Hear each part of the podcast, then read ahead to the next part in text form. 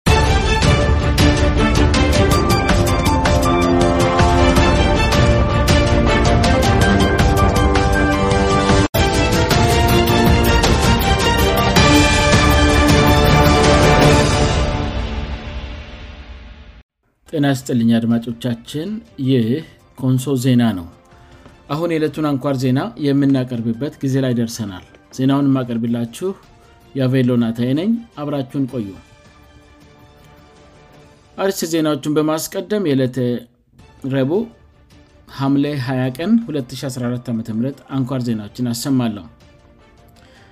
የኮንሶ ዞን ምክር ቤት የተለያዩ ቋሚ ኮሚቴዎች የመምሪያዎችን የ214 ሪፖርት እና የ215 ዓም እቅዶች መመልከት መጀመራቸው ተገለጸ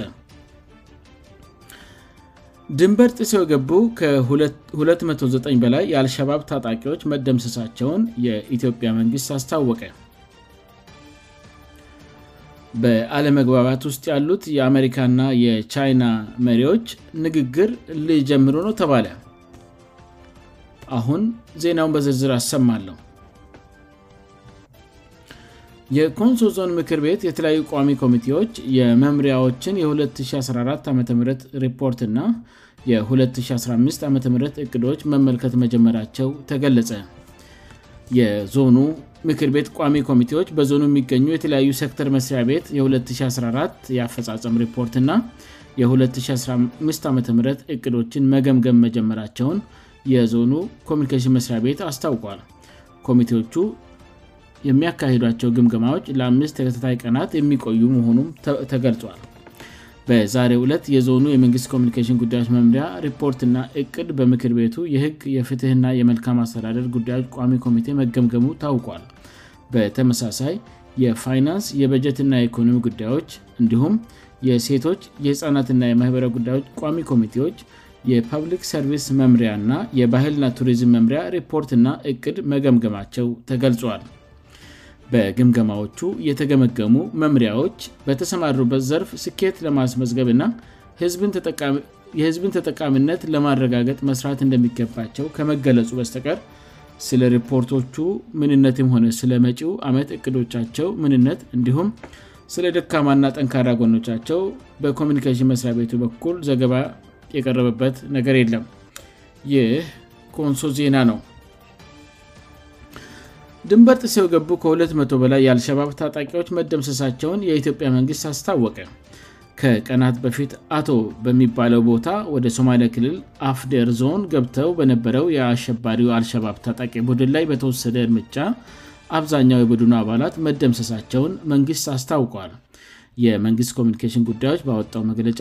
አልሸባብ በደረሰበት የተቀናጀ የማጥቃት እርምጃ አብዛኛዎቹ ተደምስሰው የተበተነው ጥቂት ኃይልም የያዘውን ክባድ መሳሪያ መጨረሰውን እና ባገኘበት ቦታ ለመደበቅ እየሞክረ ይገኛል ብሏል እስካሁንም የሽብር ቡድኑ ይዞት ከመጣው አራት የረዥም ርቀት መገናኛ ሬዲዮ ውስጥ ሶስቱ የማድረካቸውን አስታውቋል ፈርፈር በተባለው አካባቢ በኩል ገብቶ ከነበረው የሽብር ቡድኑ ታጣቂዎች ውስጥም በ85ቱ ላይ እርምጃ ተወስዶ ሸሽተው ወደ መጡበት ሲመለሱ በነበሩበትም ላይ የጎረቤት ሀገር ሶማሊያ ፈደራል ኃይል የማያዳግም እርምጃ እንደወሰደባቸውም ነው መንግስት በመግለጫው ያመለከተው እስካአሁንም ድንበር ጥሶ ከገባው ታጣቂ ኃይል ውስጥ 29 በክልሉ ና በፈደራል የጸጥታ ኃይል የተቀናጀ እርምጃ መደምሰሳቸውን መንግስት አስታውቋል በክልሉ ህዝብና ምልሻ እርምጃ የተወሰደበትና የተማረከው የሽብር ቡድኑ አባላት ትክክለኛ ቁጥርም እየተጣራ መሆኑን መንግስት በመግለጫው አብራርተዋል የአልሸባብ የሽብር ቡድን በልከረ ወረዳ አልፎ ወደ ኦሮሚያ ክልል በመግባት ከሌላኛው የሽብር ቡድን ሸኔ ጋር ለመገናኘት አልሞ የነበረ ቢሆንም ይህ እቅዱ ሙሉ በሙሉ መክሸፉን መንግስት በመግለጫው አረጋግጠዋል በተቀናጨው የመልሶ ማጥቃት የተበታተነው ና ተቆርጦ የቀረው የሽብር ቡድኑ ኃይል ላይ የሚወሰደው የማጽዳት ተሊኮ በተቀናጀና በተናበበ መልኩ እንደሚቀጥልም መንግስት አስታውቋል በአሳለፍነው ሳምንት አቶ በሚባል ቦታ በኩል ወደ ሶማሊያ ክልል አፍደር ዞን የገባ የአልሸባብ ታጣቂ ቡድን መደምሰሱን የክልሉ የጸጥታ ምክር ቤት ቅዳሜ ለት ማስታወቁ ይታወሳል ይህ ኮንሶ ዜና ነው በአለመግባባት ውስጥ ያሉት የአሜሪካ ና የቻይና መሪዎች ንግግር ልጀምሩ ነው ተባለ በታይዋን ጉዳይ አለመግባባት ውስጥ ያሉት የአሜሪካና ቻይና ፕሬዝደንቶች ውይይት ሊያደርጉ መሆኑ ተገልጿል ፕሬዝደንት ጆ ባይደንና ሃቻቸው ሺ ቺቢንግ በታይዋንና በዩክሬን ሩሲያ ጦርነት ላይ ትኩረት ያደረገ ንግግር እንደሚያደርጉም ነው የተገለጸው ሁለቱ መሪዎች ነጌ ከአራት ወራት በኋላ በስልክ ንግግር እንደሚያደርጉ አንድ ከፍተኛ የዋሽንግተን ባለስልጣን መናገራቸውን አሶሲትድ ፕሬስ ዘግበዋል የአሜሪካዊ አፈ ጉባኤ ናንሲ ፖሎሲ ከሰሞኑን ታይዋንን እንደሚጎበኙ መግለፃቸውን ተከትሎ ቤጂንግ ቁጣውን ገልጻለች ከዚህ ባለፈም ቻይና አፈጉባኤ ወደ ታይዋን የሚሄዱ ከሆነ እርምጃ ልትወስድ እንደምትችል አስጠንቅቃ ነበር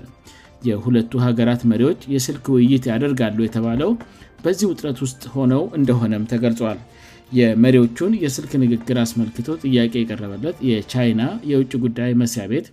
አስተያየት ከመስጠት ተቆጥቧል ምንም እንኳን ፕሬዝደንት ጆ ባይደንና አቻቸው ሺቺንቢንግ በታይዋን ጉዳይ ላይ ቅድሚያ ሰጥተው እንደሚወያዩ ብጠበቅም በአውሮፓ ያለው ወታደራዊ ሁኔታም የውይይታቸው አካል እንደሚሆን ተገምተዋል መሪዎቹ በዩክሬን ሩሲያ ጦርነት ላይ ትኩረት ያደረገ ንግግር ይኖራቸዋል ተብሎ የተጠበቀ ሲሆን በእስካአሁን ሂደት ዋሽንግተን ከዩክሬን ቤጂንግ ደግሞ ከሩሲያ ጎን መሆናቸው ይታወቃል የአሜሪካ ብሔራዊ ደህንነት ቃል አቀባይ ጆን ከርቢ ሁለቱ መሪዎች በኢኮኖሚ ውድድር ላይም ይነጋገራሉ ብለዋል ፕሬዝደንት ባይደን ከቻይና ውአቻቸው ጋር ነገ ውይይት የሚያደርጉት ከኮሮናቫይረስ ካገገሙ በኋላ ነው ይ ኮንሶ ዜና ነው አድማጮቻችን ዜናውን ከማብቃቴ በፊት አርስት ዜናዎቹን በድጋሚ ያሰማለሁ የኮንሶ ዞን ምክር ቤት የተለያዩ ቋሚ ኮሚቴዎች የመምሪያዎችን የ214 ዓም ሪፖርት እና የ215 ዓም እቅዶች መመልከት መጀመራቸው ተገለጸ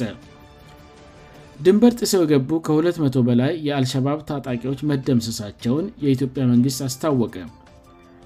በአለመግባባት ውስጥ ያሉት የአሜሪካና የቻይና መሪዎች ንግግር ልጀምሩ ነው ተባለ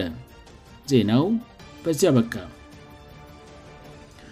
አድማጮቻችን የዕለቱ አንኳር ዜናዎቻችን ይህን ይመስሉ ነበር ስላዳመጣችሁን እናመሰግናለን ኮንሶ ዜና በቀጣይም በተመሳሳይ ዝግጅት እንደሚጠብቁት ተስፋ ያደርጋል እስከዚያውም በደና ቆዩን